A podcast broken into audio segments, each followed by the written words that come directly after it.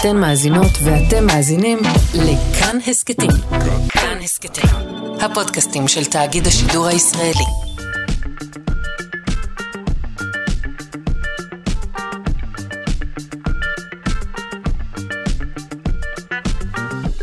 שלושה שיודעים.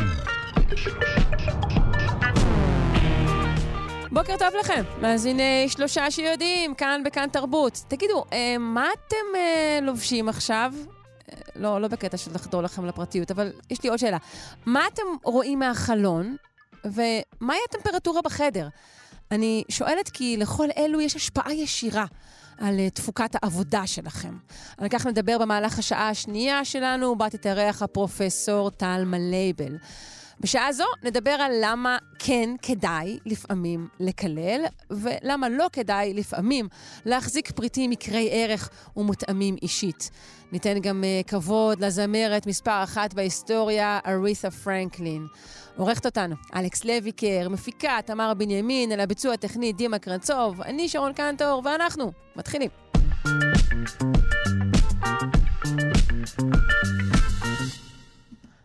למדנו השבוע שישראל היא מקום שמח. אה, למעשה, מספר ארבע בעולם במדד העושר.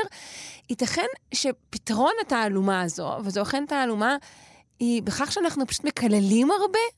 כן, יש, יש קשר כזה אה, בין קללות אה, לבין... אני לא יודעת אם אושר היא המילה, אה, יעזור לי לפרש את הנושא, הדוקטור ארז גרטי, הוא ראש תחום תקשורת המדע במכון דוידסון לחינוך מדעי. בוקר טוב. בוקר מצוין. אה, אנחנו ננסה להעביר את כל השיחה בינינו אה, בלי לקלל. אוקיי. כי רציתי להגיד לך, בוקר טוב, ו... חתיכה. חתיכה, אבל איכשהו, בסדר, בסוף השתבללתי חזרה. אז מה, יש באמת יתרונות לקללות? אה, כן, האמת שכן. אז אנחנו כולנו מכירים את הסיטואציה הזאת שאנחנו נתקעים מאצבע קטנה באיזה רהיט, או שאיזה מישהו חותך אותנו בכביש ואנחנו מקללים אותו, את המשפחה שלו, את הספינה שהביאה אותם, את כל העולם ואחותו. ובעיקר את מי שנתן לו רישיון. בהחלט. אה, אבל מסתבר שקללות יכולות גם מאוד מאוד אה, להקל עלינו ברמה של שיכוך כאבים. שאם כואב לנו ואנחנו מקללים, או מוציאים את כל האגרסיות שלנו, אז יש מצב שזה מש... משכך קצת את הכאב. אה, לא, זה לא, לא שאנחנו מורחים איזה גידוף על, על המכה. אה, מה זאת אומרת, מה זה, מה זה עושה לנו בגוף כשאנחנו מקללים? אוקיי, אני אתן דוגמה. אה, מחקר מ-2009. מחקר קצת ישן, אבל הוא זכה באיג נובל אחרי כמה שנים, אז uh, יש לו בהחלט uh, מקום של כבוד uh, בפנתיאון. שלקחו קבוצה של סטודנטים, וסטודנטים הולכים להיות איזשהו קו מקשר בין המחקרים שנדבר עליהם היום, כי הם די העבדים של המדע. ביקשו מהם לטבול את היד שלהם בתוך דלי מלא במי קרח. עכשיו, אני לא יודע אם יצא לך לנסות פעם אה, להכניס את היד למי קרח ממש ממש קרים, איזה ארבע מעלות כאלה להרבה זמן, זה מהר מאוד נהיה כואב. כן. ובגלל שהחישת טמפרטורה שלנו, במיוחד טמפרטורות קיצוניות, יושבת על המסלול של כאב. אז נתנו להם לטבול את היד שלהם בתוך מי קרח, ומדדו כמה זמן לוקח להם להוציא את היד, עד שהם כבר הכאב בלתי נסבל והם אה, חייבים להוציא את היד. עכשיו, לחלק מהם נתנו, אה, ביקשו אה, להגיד כל מיני מילים שמתארות את השולחן שהיה איתם בחדר. שטוח, חלק, יציב, וואו, מילים בסגנון הזה. אוי. וחלק מהם אמרו להם להשתמש במילים שמשתמשים בהם כשנופל להם פטיש על הרגל. ואני לא אחזור mm-hmm. למילים, אבל okay. אוקיי. uh, אני בטוח שכולם יכולים לדמיין איזה מילים מדובר. Okay. כן. ואלו שאפשרו להם לקלל, הצליחו להחזיק את היד בתוך המים יותר זמן, משהו כמו 70 אחוז יותר זמן. וואו. זה, רגע, כן, תגיד, זה משמעותי. השוו את זה גם לקבוצה אה, שותקת שהתבקשה אה, להפנים את הכאב ולחשוב על כמה היא חזקה יותר מכל דבר אחר בעולם הזה? במחקר הזה לא ראיתי שעשו את ההשוואה הזאת, אבל uh, זה, בהחלט, uh, זה בהחלט דבר מתבקש, אבל שוב, האנשים שנקטו באותה פעולה של לדבר, להגיד משהו, אבל משהו שהוא יותר רגוע, uh, לא, כי אני מנסה להבין אם זה בגלל שהייתה פה איזו הסחת דעת, לתאר משהו אחר שהוא מחוץ לסיטואציה, או זה שהם יכלו להביע את התחושה האיומה ולהוציא את הכעס שלהם, שזה בעצם אולי מה שקללה עושה. כן, יכול מאוד להיות. באמת יש כל מיני הסברים ללמה זה קורה. אפשרות אחת זה באמת בגלל uh, שאנחנו מסיחים את דעתנו ועושים משהו אחר, ואז אנחנו מצליחים uh, להתרכז בדבר האחר ו- ופחות מרגישים את הכאב, אבל יכול מאוד להיות שיש כאן גם איזושהי הפעלה של, אה, של מנגנון, אה, מנ- מנגנון פיזיולוגי שגורם, mm-hmm. שמשכך לנו את הכאב כתוצאה מ- מאגרסיה או, או זעם אה, מאיזשהו כן. סוג. כן. וזה מוביל אגב למחקר אחר שעשו, שאני הייתי מת להשתתף בו, שלקחו, שוב, קבוצה של סטודנטים, ונתנו להם לשחק במשחקי מחשב. לחלק מהם נתנו לשחק במשחק יריות, שוטר כזה כמו פורטנייט, משהו בסגנון הזה. Mm-hmm. משחק שמי ש... שהאזין לאנשים משחקים פה יודע שהם נוטים לגדף אה, לא אחת. למי שהאזין למתבגרים משחקים בו במיוחד. כן, כן.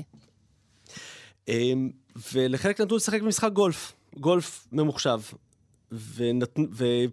ועשו להם אה, את אותו מבחן, רק שלפני זה מדדו את רמות האגרסיות שלהם בעזרת איזה סקר כזה, שלמשל נתנו להם להשלים אותיות אה, למילים שחסרה בהם אות אחת, ושמו להם מילים שיש להם משמעות כפולה. למשל, light ו fight, שזה אור ו... ולהילחם, או אקספלור ואקספלוד, הם היו צריכים להשלים את האות, ולפי האות שהשלימו אפשר היה להסיק מה, מה עובר להם בראש. זה כשלעצמו מבחן ו... מצחיק, אוקיי. לגמרי. ואלה ששיחקו בגולף, אה, החזיקו את היד בתוך המים פי שתיים פחות מאשר אלה ששיחקו במשחק יריות. זאת אומרת, אלה ששיחקו במשחק יריות והאגרסיות עלו, וזה משהו שראו באמת שהאגרסיות שלהם אה, עולות, אז הם הצליחו להחזיק את היד בתוך המים יותר זמן. עכשיו, מחקר אחר שבדקו, אה, רצו לראות אם אנשים שמגדפים ביום-יום, שזה משהו כאילו שהם רגילים לגדף, אה, אם, אם להם יש באמת את פעולת השיכוך הזה, mm-hmm. ואצלם, ואצלם התשובה היא שלא. זאת אומרת, מי שרגיל לקלל ומקלל על בסיס, על בסיס שוטף, זה לא מהווה את הפורקן שהוא צריך בשביל אה, לשכך את הכאב. שכן מקומה ראשונה, האם אתה שומע? לגמרי. אוקיי. אה, וגם גם כאב רגשי, דרך אגב. אנשים שחווים פרידה או, או מצוקה רגשית, גם שם אה, רואים שה, שקללה יכולה... אה, לשכך את, ה, את המצוקה. טוב, זה, זה מעניין מאוד, וגם uh, מעניין uh, לשמוע שזה לא עובד עם זה על uh, בסיס יומיומי. כלומר, זה צריך להיות מחובר ל- לכאב ברור, למצוקה תשמרו ברורה. תשמרו את הקללות שלכם. כן, תשמרו. כן, צריך לחשוף אותם ל... לרגע הנכון. ומה שאני חיפשתי, ובאמת חיפשתי ולא מצאתי, זה קללות בלידה. האם זה באמת אה, עוזר או לא. לא ראיתי שמישהו חקר את זה. הרבה אנשים מדברים על זה, אבל לא... נכון, גם לא, לא חקרו את ההשפעה של, של היולדת המקללת על, על, על חייו של, ה, של, של הרך הנולד בהמשך. לגמרי. אה, לגמרי. ת, תגיד, אתה מכיר את ה, את ה... אני לא יודעת אם, אתה יודע, זה, אף פעם לא יודעת אם זה מחקר רציני או מין אה, ניסוי של, אה, של רוחניקים. אתה, אתה מכיר שמקללים אורז? שיש, אתה יודע, שתי כוסות, אורז אחד שמברכים אותו ואורז אחד שמקללים אותו, ואז לראות איפה מתפתח יותר עובש או משהו כזה? אז... אז כן, יש, יש אה, ניסוי רשת כזה, שאני גם חזרתי אליו בעצמי אה, לפני כמה שנים במכון דוידסון, ש, שבו לוקחים באמת אה, שתי כוסות אורז, אחת מקללים, את השנייה מברכים, ולאורך זמן טוענים שהכוס שמקללים אותה, האורז שם יפתח יותר עובש. ואז זה בגלל שאנחנו משדרים לו איזשהם אנרגיות או איזשהו אה, קשקוש רוחניקי בסגנון. ומה שבדרך כלל, מה שמאפיין את הניסויים האלה זה שהרבה פעמים יש חזרה אחת עם תוצאה אחת. לא מראים את ה... זאת אומרת, אנחנו רואים את, הת... את התוצאה ש... שאנחנו מצפים לה, אבל ניסוי טוב צריך לחזור עליו בכמה כמה פעמים. כן. ובכמה תנאים. אז אני ניסיתי את הניסוי הזה, רק שבמקום צנצנת אחת, חזרתי עם עשר צנצנות. עשר צנצנות שברכתי, עשר צנצנות שקיללתי ועשר צנצנות שהתעלמתי לגמרי. זה היה ניסוי די מגוחך. זאת אומרת, אנשים הסתכלו עליי, לא הבינו מה אני רוצה מהם. אני בעיקר רוצה לראות אותך מתעלם מהאורז. אני אה, לא רואה אותך, אני עובר כאן ואני לא מסתכל עליך. אה, ממש. אבל השאלה אם, אם פה, אה, ידידי, אה, לא הייתה איזושהי הנחת מבוקש. יכול להיות שהאורז הרגיש שאתה לא באמת מאמין בניסויים כאלה, ולכן כשאתה מברך אותו, אתה לא מברך אותו ממש מהלב. יכול להיות, יכול מאוד יכול להיות. יכול להיות דבר אבל, כזה, לא? אבל הוא התאפש באותה מידה ב, בשלושת, ה, בשלושת סוגי הצנצנות. אז... אוקיי. Okay. Uh, מעניין אותי אם, אתה יודע, אם תעשו מחקרים uh, דומים על, uh, נגיד, מה קורה כשאנחנו תמיד מאשימים את האחר. אולי גם זה נורא נורא עוזר לנו. Uh, ולמשל, מה קורה אם אנחנו במקום לקלל, נגיד, uh, כותבים uh, סיפור קצר או שיר. אני מניחה שכל uh, סוג של החצנה uh, בטח עובד עלינו באיזשהו אופן. יש מצב. זאת אומרת, בסופו של דבר, אחת המדידות שעשו בשביל לראות באמת אה, איך זה משפיע, זה מדדות קצב הלב של אנשים שהכניסו את היד לתוך הדלי קרח הזה וקיללו או שלא קיללו, וראו שאצ, שאצל אלה שקיללו, קצב הלב עלה. זאת אומרת, יש שם איזושהי תגובה פיזיולוגית, זה לא, זה לא רק אה, משהו שהוא, שהוא mm-hmm. בראש. זאת אומרת, כן. הראש מן הסתם מפעיל את זה, אבל יש פה איזושהי תגובה פיזיולוגית, אז כנראה שיש באמת אה, איזשהו קשר לצורה שאנחנו פורקים את העצבים שלנו. מעניין מאוד. אז לסיכום, אנחנו אומרים למאזיננו, כללו, אבל ברגע אבל הנכון במידה. ובמידה. בסדר גמור. דוקטור ארז גרטי, ראש תחום תקשורת המדע במכון דוידסון לחינוך מדעי. יום טוב ומבורך נהדר. לך. יום נהדר.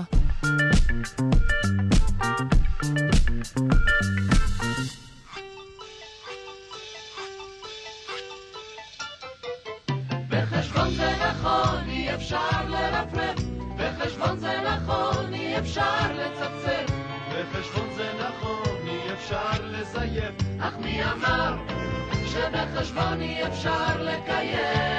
אפשר גם אפשר. פינת המתמטיקה של מיכאל גורדין, ממכון דוידסון, הזרוע החינוכית של מכון ויצמן למדע. שלום. שלום, שלום. אה, על מה נדבר היום? היום אנחנו ננסה להבין איך אה, אפשר להכפיל מספרים בצורה נוחה. אמ, שאלה שהעסיקה את, ה, את האנושות. למה היא, למה היא העסיקה את האנושות? אה, בעיקר- אה, בין השאר בגלל אסטרונומיה. בתקופת הרנסאנס אה, מאוד מאוד גובר העיסוק באסטרונומיה, ושם, מה לעשות, הדברים הם גדולים. בחלל המרחקים הם מאוד מאוד גדולים, כדי לחשב תנועות של אה, אה, ירחים וכוכבים ודברים כאלה. צריך הרבה פעמים להתעסק בכפל של מספרים מאוד מאוד גדולים. כלומר, אם לפני זה אפשר להגיד שהרבה מאוד חיבור הביא אותנו ל- ל- למשהו שמזכיר כפל, אז זה כבר פשוט לא עובד ברגע שאסטרונומיה נכנסת למשחק? כן, יש אה, אמת עצובה שאנחנו צריכים להודות בה, היא פשוט שכפל זה הרבה יותר מסובך מחיבור. אנחנו כולנו נתקלים בזה אי שם בכיתה ב' או ג' כשאנחנו מתחילים ללמוד כפל, וכש... אה, שתיים כפול שלוש זה עוד בסדר, אבל אה, 140 כפול אה, 1,400 זה... לא, זה אפשרי, זה רק לוקח הרבה מאוד זמן. זה לוקח הרבה מאוד זמן, בדיוק. וזמן ו- הוא כמובן מרחב עצום של טעויות. נכון. וככל שהמספרים גדולים יותר, והחישובים מסובכים יותר, האנשים אה, נאלצו אה, אה, אה, להשקיע בזה המון המון המון המון משאבים ואנרגיה, וחיפשו דרכים יותר נוחות לעשות את זה, עד שנמצאה הדרך. והיא דרך פלאית בפשטותה ובתחכום שלה בו זמנית.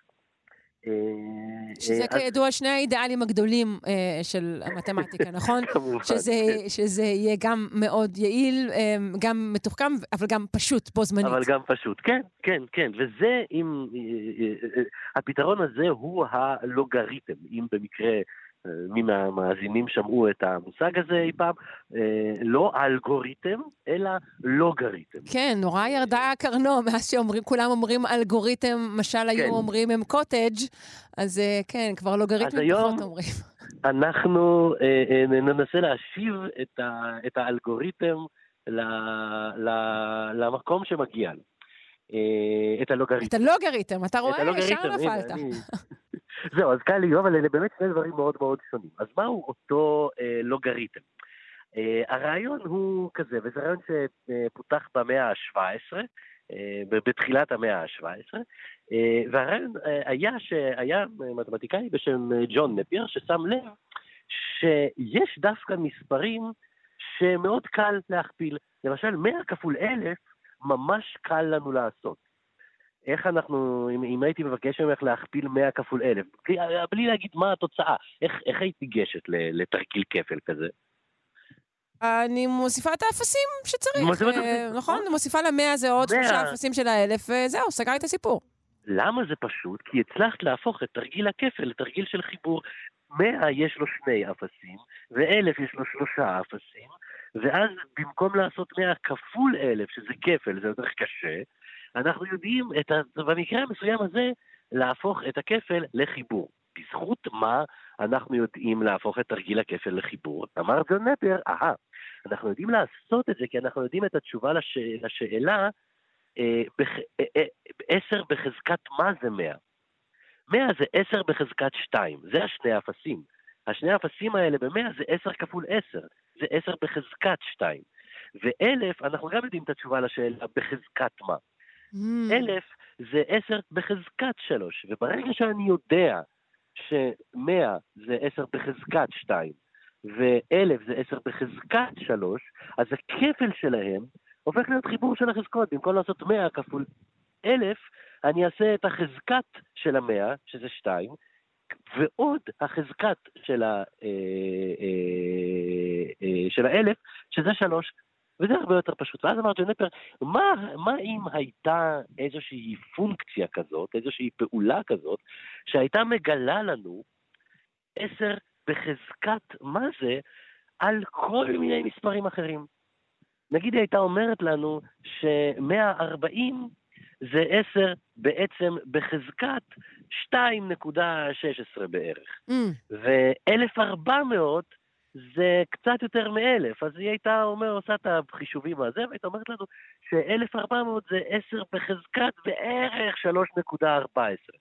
אז פתאום, במקום לעשות את התרגיל המסובך, המייגע והארוך, עם לזכור אה, אחד בראש, עם המון מקום טעויות של 140 כפול 1400, אנחנו יכולים לעשות את התרגיל ההרבה יותר פשוט של 2.16 ועוד 3.14. זה הרבה יותר, זה, זה הרבה יותר... אבל קודם כל צריך קל. לגלות את ה- את ה- את החזקה הזאת. נכון, וזה מה שהוא עשה. זאת, ה- ה- זאת פונקציית הלוגריתם.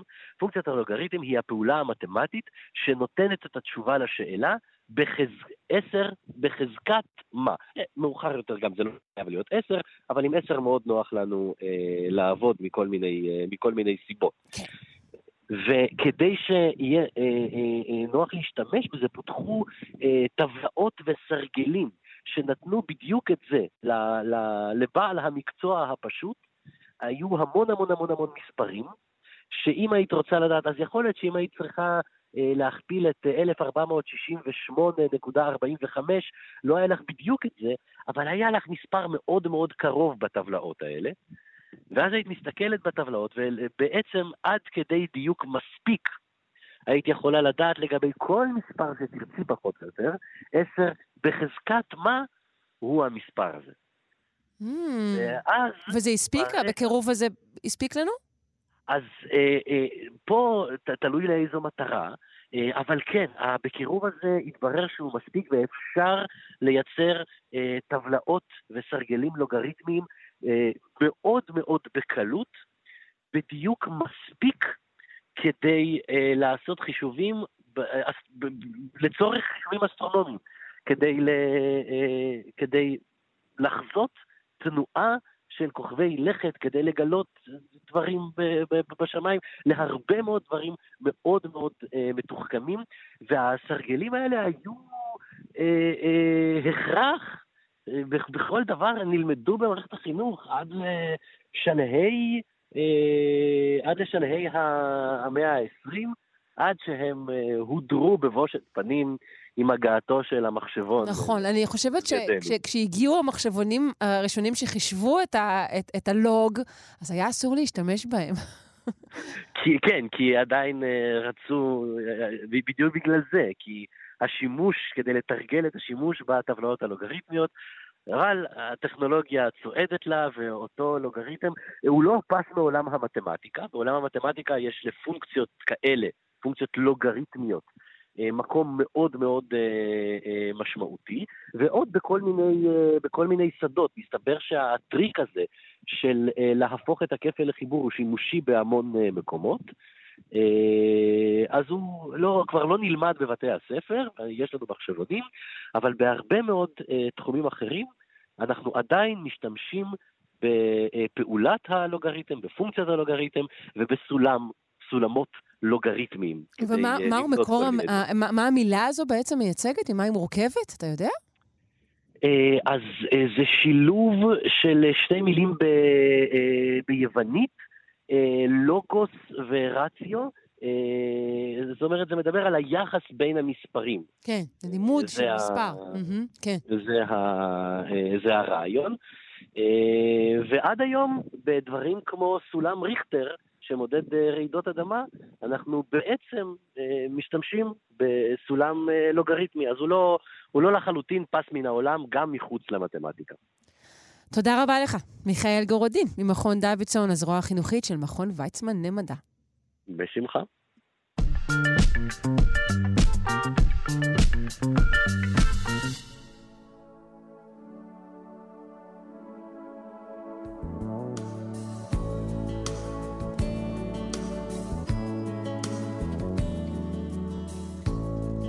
פינת הקיימות עם יאיר אנגל, מעצב ומנכ"ל קיימה, מרכז לתכנון ועיצוב מקיים.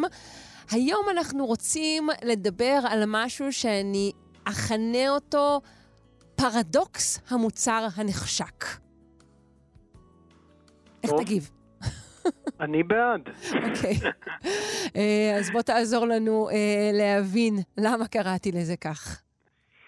אז אנחנו מדברים בעצם על, אה, על עיצוב ותכנון של מוצרים ירוקים, מה שקוראים, או מוצרים סביבתיים יותר, ומחקר שנעשה לאחרונה באוניברסיטת קורנל, אה, מצא, אה, בעצם בדק מה קורה, איך אפשר לעודד אה, לעצב מוצרים שהם מותאמים יותר לאנשים, בעצם על מנת להעריך את השימוש בהם. כי מסתבר שגם כשאנחנו קונים מוצרים טובים שאפשר להשתמש בהם כמה שנים, אנחנו עדיין הרבה פעמים אה, פשוט אה, מפסיקים להשתמש בהם מכל מיני סיבות. ויש כל מיני פרמטרים ידועים, שאולי נדבר על זה קצת בהמשך, על איך לעצב מוצרים בצורה שהיא תהיה יותר אה, מקיימת, בת קיימא, או איך שרוצים לקרוא לזה, סביבתית אז רגע, יותר. קודם כל אנחנו רוצים, נגיד כך, אנחנו אומרים, וואי, אל תקנו מלא מלא מלא מלא מלא סחורה זולה. תקנו דבר אחד שהוא ייחודי, נכון? ואז אנחנו רוצים להניח שזה, שזה יחסוך את, הש, את, ה, את, ה, את ההוצאה על הרבה דברים, את, ה, את השימוש בהרבה דברים יהיה דבר אחד. אבל אז המחקרים מראים שזה לא בדיוק כך? אז קודם כל, הנקודה שציינתי מצוינת, וכנראה שצריך לחזור עליה כל הזמן. אנחנו חייבים, אין לנו ברירה בכלל, אלא לצמצם את הצריכה הפשוט עודפת, וה... אפשר לקרוא לזה אה, משוגעת שלנו, ולהפסיק לצרוך סתם מוצרים. זה, זה חלק מההפחתה במקור, היא הבסיס לכל, לכל דבר. זה, זה אה, שזה בזול לא אומר שזה בזול. לצורך זה שבזול זה לא בזול, וזה זה שזה בזול לא אומר שאת, שאת צריכה את זה, או אני צריך את כן. זה, או שאף מישהו בכלל צריך את זה. מי שמשלם והרבה- על זה זה או מישהו עכשיו אה, אה, בעולם השלישי, או הילדים שלנו או הנכדים שלנו. מישהו ישלם, אין דבר כזה או בזול. גם וגם וגם. כן. אז זה דבר אחד. עכשיו, אה, בגדול, אה, חלק מהמהלך הוא לייצר אה, מוצרים שבמקום שהם חד פעמים הם יהיו רב פעמים, ושהם יהיו רב פעמים הם יהיו טובים יותר ויגרמו לנו לשמור עליהם, לש- לתקן אותם, לא לזרוק אותם, להשתמש בהם כמה שיותר זמן. ומראש, וזה אנחנו מדברים כל הזמן, על הכיוון של כלכלה מעגלית, לתכנן אותם בצורה כזאת שגם שיומם יבוא והם כבר לא יהיו פונקציונליים, יהיה אפשר לפרק אותם או לשדרג אותם או להשתמש בחומרים שלהם אה, לשימוש מחדש או מהמם. למחזור. יפה. כלומר שהמוצרים יישארו בתוך כלכלה מעגלית, בסדר? כן. עכשיו, מה שהם חקרו פה, שיש יש בעצם כמה פרמטרים מקובלים, שמקובלים בעולם העיצוב, אה, אה, ו- וכדאי מאוד אה, לתכנן לפיהם, כך מקובל, כמו למשל, לייצר מחומרים טובים, באיכות טובה, כאלו שהם פונקציונליים וכיף להשתמש בהם, כאלו מוצרים שמזדקנים בחן. לא כל מוצר מזדקן בחן, יש כאלה שכן. אני אתן דוגמה אולי שנויה במחלוקת, דברים מאור, אור של בעלי חיים, אה, מזדקנים לרוב יותר טוב מפלסטיק.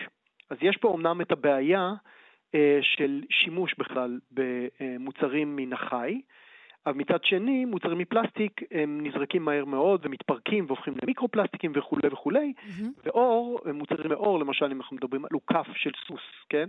אה, יכול להחזיק עשרות, אם לא יותר שנים, ואנשים לא יזרקו כן. אותו, הם ישמרו עליו מאוד מאוד יפה. אוקיי. המחקר פה בא לדבר על כך שהיום יש כל מיני אפשרויות נוספות אה, של אה, התאמה של מוצרים לאנשים, לצרכנים, ודווקא ההתאמות האלה עלולות לגרום לאנשים להשתמש פחות במוצרים. מדברים נגיד על כל מיני סדרות כאלה, אה, נכ- מהדורות מוגבלות אה, למיניהן, דברים שהם נדירים. ואם הבנתי נכון, אולי אנשים בעצם, כשיש להם דבר כזה שהם נורא נורא נקשרו אליו כי הוא, כי הוא נדיר, או כי הוא נעשה במיוחד עבורה או משהו כזה, אז הם נוטים בדיוק. אולי לא להשתמש בו? נכון. אז, אז היום, קודם כל היום המוצרים בהתאמה אישית, כלומר נגיד להתאים את אה, נעל הספורט שלך לצבעים שאת אוהבת, או לכתוב עליה אפילו את השם שלך ולהשתמש בשילוב של צבעים מסוים, או, אה, אה, זה, זה נכנס יותר ויותר, גם בגלל הכניסה של ייצור בהדפסה תלת מימד, אה, ובכלל מוצרים בהתאמה אישית. יש כן, בתוך וגם העניין אה, הזה- על- כן. עליית אה, תופעת פתית השלג הייחודי, כן. כן, כמובן. ומהדורות מוגבלות, כמו שאמרת, זאת אומרת, מייצרים בכוונה, בצורה מוגבלת, עשו את זה תמיד, אפילו בבולים. אה, מייצרים אה, שאנשים אספו, עדיין אוספים כנראה בולים, אבל פחות, אה, מוציאים מהדורה מאוד מאוד מוגבלת, ואז יש מזה נורא מעט וזה נדיר.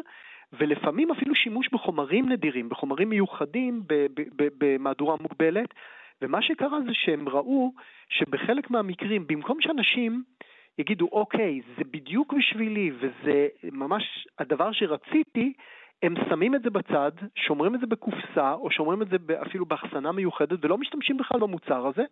וקונים הרבה לקנות- דברים זולים ליום-יום, ובהם הם משתמשים. בדיוק, הדבר הזה.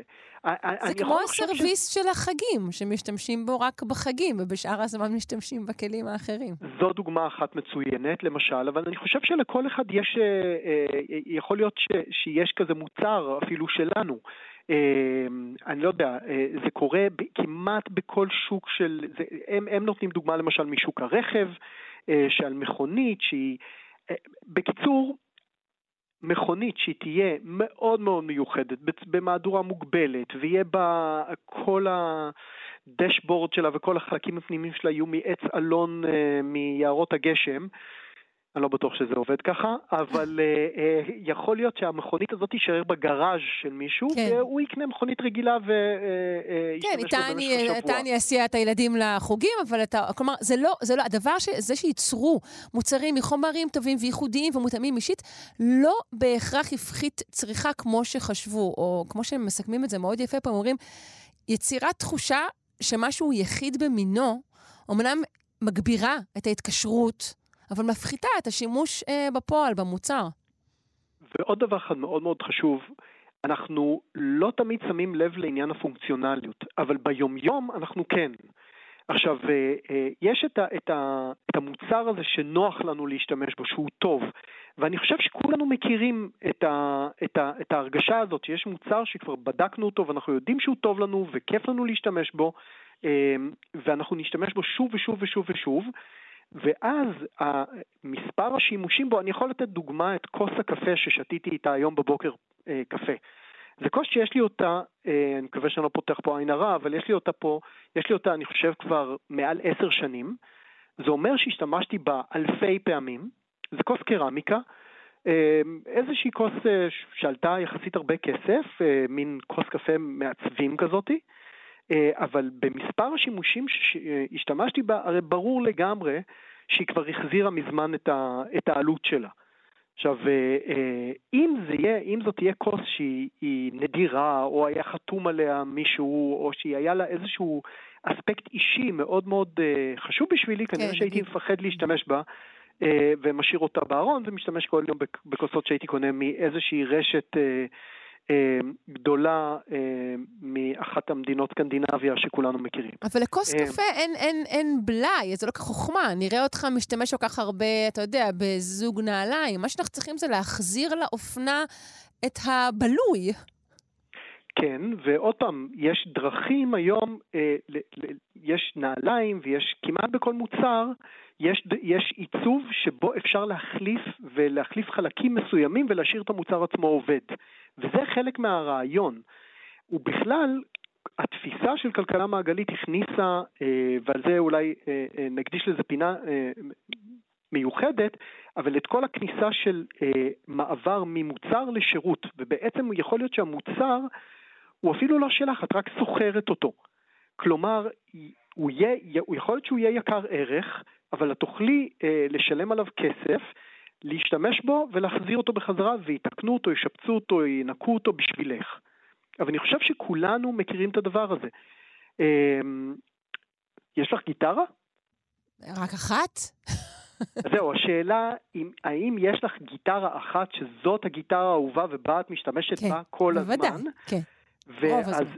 וזאת רוב הזמן. ויכול להיות שיש עוד אחת שקנית ככה ב... כי זה היה מגניב ו... וזה, אבל... רק אחת? אני חושב... הסיפור הוא שהרבה פעמים אנחנו רואים דווקא אה, אנשי מקצוע, אם זה מוזיקאים, אה, אם זה ספורטאים, ובכל מקצוע, שאנשים שיש להם את המוצר היקר, אבל שמשתמשים בו כבר 40 שנה, אפילו יום-יום, בצורה מאוד מאוד מסיבית, והם בחיים לא ימכרו אותו ובחיים לא יזרקו אותו, והוא מוצא, חוסך את הקנייה של המון המון מוצרים פשוט שלא שווים הרבה כסף, וגם אם אנחנו חושבים על כל העולם שמסביב לדבר הזה, אנחנו יכול, יכולים להשתמש באותו מוצר, זה אומר שהחברות האלה לא מייצרות שוב ושוב עוד חלקי חילוף למוצרים חדשים שעולים עוד פעם ועוד פעם על המדף. אמ, דוגמה אולי האחרונה שאני יכול לתת זה, אה, יש פוד אה, פרוססור, אה, מעבד מזון של חברת בראון, הוא כבר לא נמצא על המדפים, אבל אני מתאר לעצמי שכל מי שמעל גיל 40 או 50 יכול לדמיין על איזה מוצר אני מדבר, זה food processor של חברת בראון, שעיצב אותו אחד המעצבים הידועים בעולם, קוראים לו דיטר ראמס. Mm-hmm. הוא נראה מאוד מאוד רגיל, הוא ה... כאילו ה prototype. של מעבד המזון, כן. של מעבד המזון. אותו מוצר של חברת בראון היה על המדף במשך 32 שנה.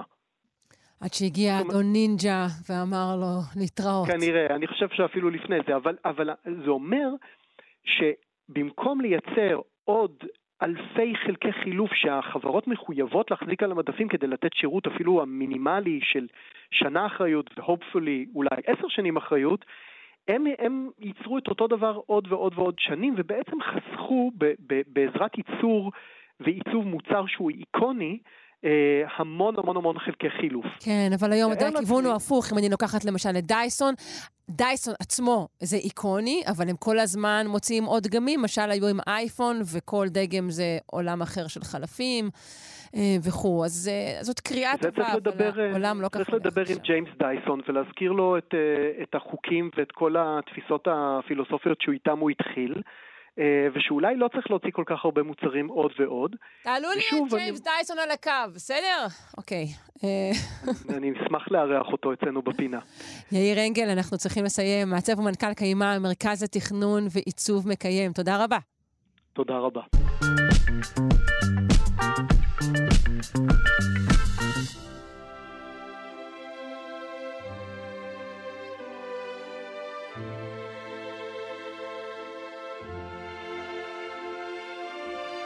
בפינת השירה שלנו אנחנו רוצים אה, לציין יום הולדת אה, לזמרת שדורגה במקום הראשון ברשימת מאה הזמרים הגדולים של כל הזמנים. זוהי כמובן ארית'ה פרנקלין, ואנחנו נפנה לרונה ישראל קולט, אה, המדורגת אצלנו גבוה מאוד אה, ברשימת בעלי הפינות האהובים, מורה לפיתוח קול וחוקרת קוגניציה ווקאלית באוניברסיטה העברית. שלום. כבר זכיתי.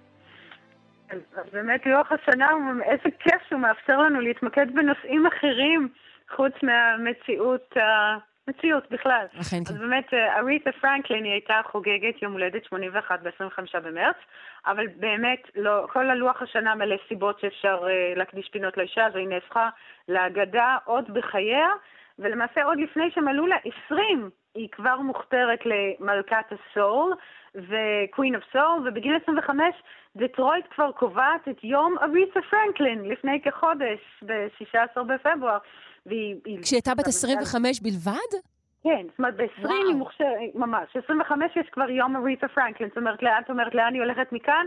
אז היא הולכת מכאן לזכות במדליה הנשיאותית. היא הייתה אישה ראשונה שנכנסה ל-Rock and Roll Hall of Fame, זכתה 18 פעמים בגרמי, אז היא כנראה האישה המאותרת ביותר עוד בימי חייה, וכנראה גם הזמרת שזכתה על הקונצנזוס הרחב ביותר של כבוד והערכה, גם מסחרים, גם אמנותיים, וכשמאזינים לכמות האדירה של השירים שלה, היא במגוון ג'אנרים ולאורך כל כך הרבה עשורים של קריירה, אז למעשה אה, כל ההקלטות האלה הן באותה איכות ווקאלית נדירה, ובאמת אה, אומנותית גם בלתי מתפשרת, ומבינים שזו הייתה תופעת טבע, ובאמת הקול שלה נבחר למש... להיות משאב טבע לאומי של ארצות הברית. זאת אומרת, הקול שלה, מה זאת אומרת? כן, בצורה רשמית, נבחר למשאב טבע לאומי. זאת אומרת, עוד בחייה. וככה התייחסו לקול הזה, כאל משאב טבע לאומי. אז מה, אסור היה לה בטח אה, לצעוק, וכל הזמן שלחו לה צנצנות דבש. אני חושבת שזה יותר משהו סימבולי, אה, אבל תארי לעצמך להסתובב עם, אה, עם התחושה הזו שאת משאב טבע לאומי של ארצות, של ארצות הברית, או בכלל אפילו של מיקרונזיה. אז זה באמת מה שיפה זה שבאמת היא ידעה, היא ידעה לשאת איזו התנהלה, ההתנהלות שלה הייתה באמת גם כל כך אצילית. אבל בואי באמת נתחיל עם הקלטה מוקדמת מאוד שלה, שהיא שרה גוספל בהופעה חיה בכנסייה של אבא שלה, הכומר קלרנס לבון פרנקלין, והנה היא בגיל 14 בדטרויט. Oh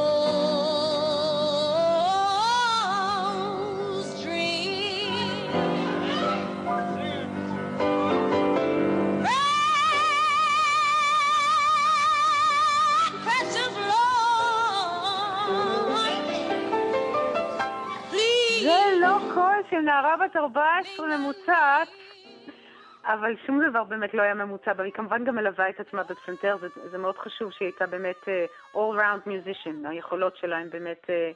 Uh, המוזיקליות שלה נרתמת לכל מיני אפיקים, אבל באמת הביוגרפיה שלה, כאן את שומעת אותה במה שיהיה לאורך כל הקריירה שלה, מקור הכוח והבית האמנותי והאמיתי שלה, זה כנסיית בסל, ה-New Bethel Baptist Church, שבראשה עמד האבא הכריזמטי שלה, שהוא דמות אה, קונטרוברסלית ואגדית לא פחות ממנה, הוא למעשה המציא את הז'אנר של כוכב דת פופולרי, הייתה לו תוכנית רדיו, והוא mm-hmm. הראשון למעשה להבין את הפוטנציאל הכלכלי או הפוטנציאל המאחד של, ה, של הגוספל, של הדרשות הכריזמטיות, והוא הקליט והפיץ דרשות שלו על גבי תקליטים, והוא נסע בכל רחבי, אה, בכל רחבי ארצות הברית אה, עם המופעי גוספל שלו. ולמעשה זה אחד הארגונים הראשונים שמאחדים את השחורים באמריקה, מה שבאמת אפשר, הפך להיות הבסיס של תנועת המחאה בשנות ה-60, גם כלכלית וגם מספרית, אה, והוא באמת היה חבר קרוב של מרטין לותר קינג, ואריתה זכתה להכיר אותו, וזכתה להכרה ולהערכה של כל המי ומי, ממוזיקה לפוליטיקה בזכותו, זאת אומרת מסם קוק, דרך מהליה ג'קסון שהייתה באמת השפעה אדירה עליה.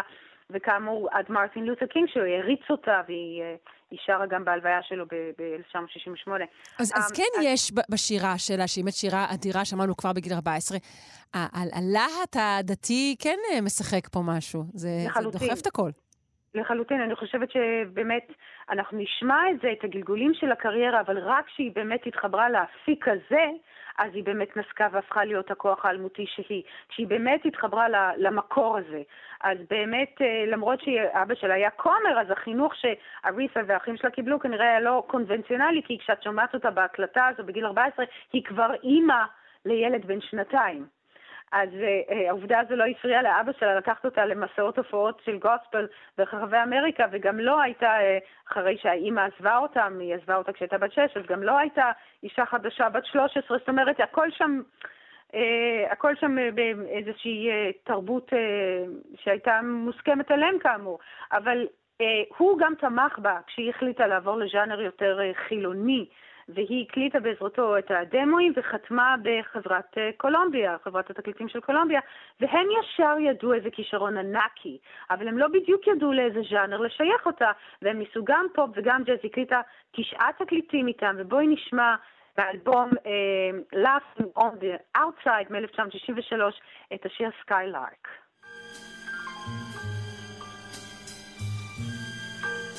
Skylark Have you anything to say to me? Won't you tell me where my love can be? Is there a meadow in the mist where someone's waiting to be אז אני רוצה פשוט להקדיש את הפינה לשיר המופלא הזה, וואו. באמת, של הוגי קרמייקל וג'וני מרסה, ועם העיבודים הפנטסטיים של אה, רוברט מרסי. עכשיו, לדעתי, היא הייתה והיא תהיה לנצח מלכת הסול, אבל זה קצת מעיב על היכולות האדירות שלה כזמרת ג'אז, אם משמיעים, מש, אה, משווים לביצועים אחרים של השיר הזה. אין על הביצוע הזה, הוא פשוט, כן. כל נשימה שלה, כל, כל uh, הדגש שלה, הוא פשוט כל כך, כל כך מרגש, היא עושה את זה בצורה מרהיבה.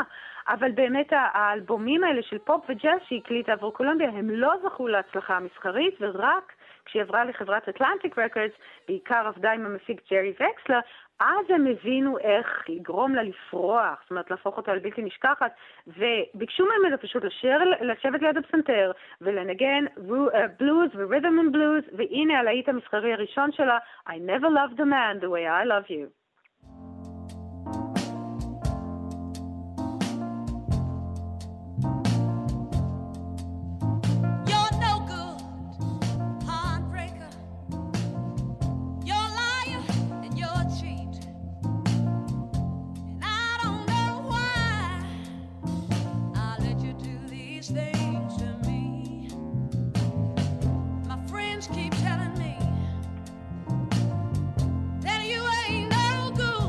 אז זה באמת היא, ריטה פרנקלין, צריך להיות אתגר מאוד גדול לפינה, כי אנחנו לא יכולים לשמוע את כל השיר, זה בכל לא, רגע של השיר. אנחנו רוצות לשמוע כל שיר עד הסוף, ומדהים באמת לשמוע כל גוון בגווני הקול שלה. אה, אה, השפיע כל כך על, על, על טווח ז'אנרים גדול בפופ האמריקאי, גם על דברים שלכאורה לא קשורים. זה ממש מדהים. את צודקת, מכאן למעשה זו קפסולה שהיא מעצבת את הסול. אז היא מנגנת על פסנתר שהוא הכלי החזק בגוספל יחד עם אורגן ההמנד, או עוגב אמיתי, והיא בונה את המתח, את השיא הרגשי על ידי החזרתיות הזו, השיא הרגשי שנקרא הספיישל קורס או הוואמפ, והיא בונה על השיא והסגנון הוא חצי דיבור, חצי שירה, תוך כדי המקהלת הקורס מאחוריה שמגבים אותה, ותוך כדי אלתור וירטואוזי. כן, שוב, זה מהלך, הגיבוי הזה, למרות שהטקסטים הם אולי חילוניים, אבל המהלך הזה הוא, הוא שוב, הוא נובע מגוספל. לחלוטין גוספל. Mm-hmm. והסגנון הזה שהיא יצרה, הוא השפיע חזק, כמו שאת אומרת, על כל שנות ה-60. תחשבי על Sympathy for the Devil של ה-Rolling Stones, שזה גוספל בהפוך על הפוך כמובן. כן. אבל, אה, זאת אומרת, כמו שאת אומרת, אין, אין משהו שהיא לא נג... ש... שלא הושפע בשנות ה-60 ממנה, ותחשבי על כל הזמרים שהושפעים ממנה, עד שלומי שבן שלנו, בוב דילן, החצי דיבור, חצי שירה הזה, שהוא ישיר מה, מהנביאים דרכה אלינו. אז באמת, היא, היא, שם זה באמת עבד סוף סוף, גם מסחרית, וההצלחה הזו הפכה אותה להיות סמל של הכוח השחור, לה, הניצחון המסחרי שלה, והעובדה שהיא מצליחה לחדור לכל שכבות האוכלוסייה בארצות הברית, הם הפכו אותה לסמל של אישה שחורה מנצחת, והיא באמת גילמה גם באופי שלה את האצילות, את הנובלס אובליז', היא גם מאופקת בכל הרעיונות שלה, היא פשוט מלכותית, היא מאופקת, סופר אינטליגנטית, שומרת על הפרטיות שלה, ולכן הניגוד הזה כשהיא תופסת מיקרופון הוא כל כך מרשים. אה, היא פשוט הופכת להיות יצר בוער אחד ש- שסוחף את כל המאזינים כן, שלה. כן, היא לא הייתה צריכה הרבה יותר מאשר הקול נכון. הזה. נכון. ובאמת אסור לשכוח שהיא גם אישה יוצרת. אז נשמע את רוק סטדי שהיא כתבה ומלווה את עצמה בפסנתר.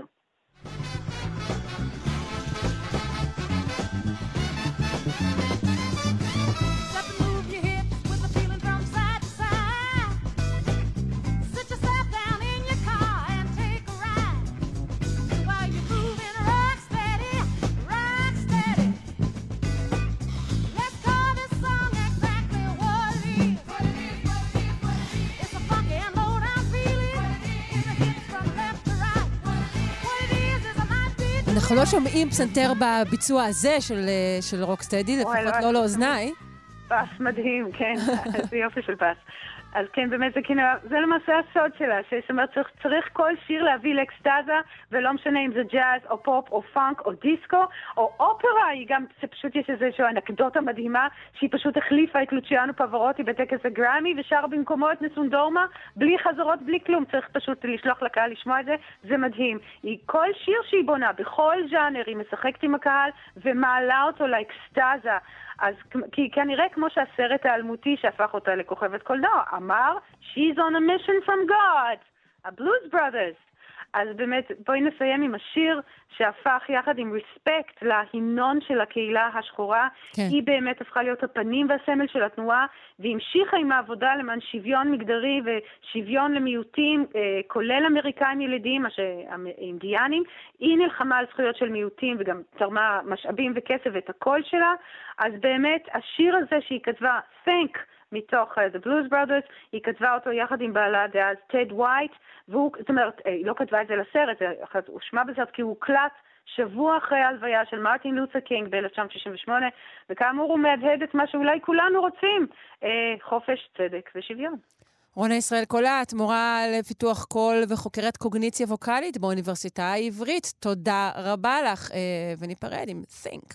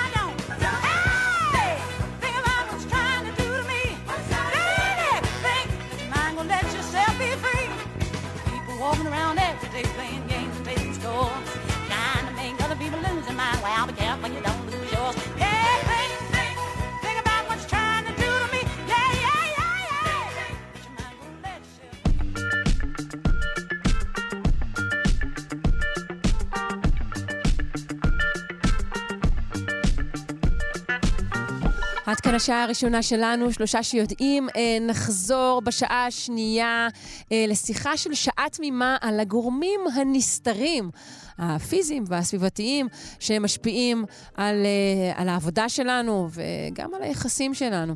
עורכת אלכס לויקר, מפיקה תמר בנימין, אל הביצוע הטכני דימה קרנצוב, אני שרון קנטור, מחכה לכם כאן מיד אחרי החדשות.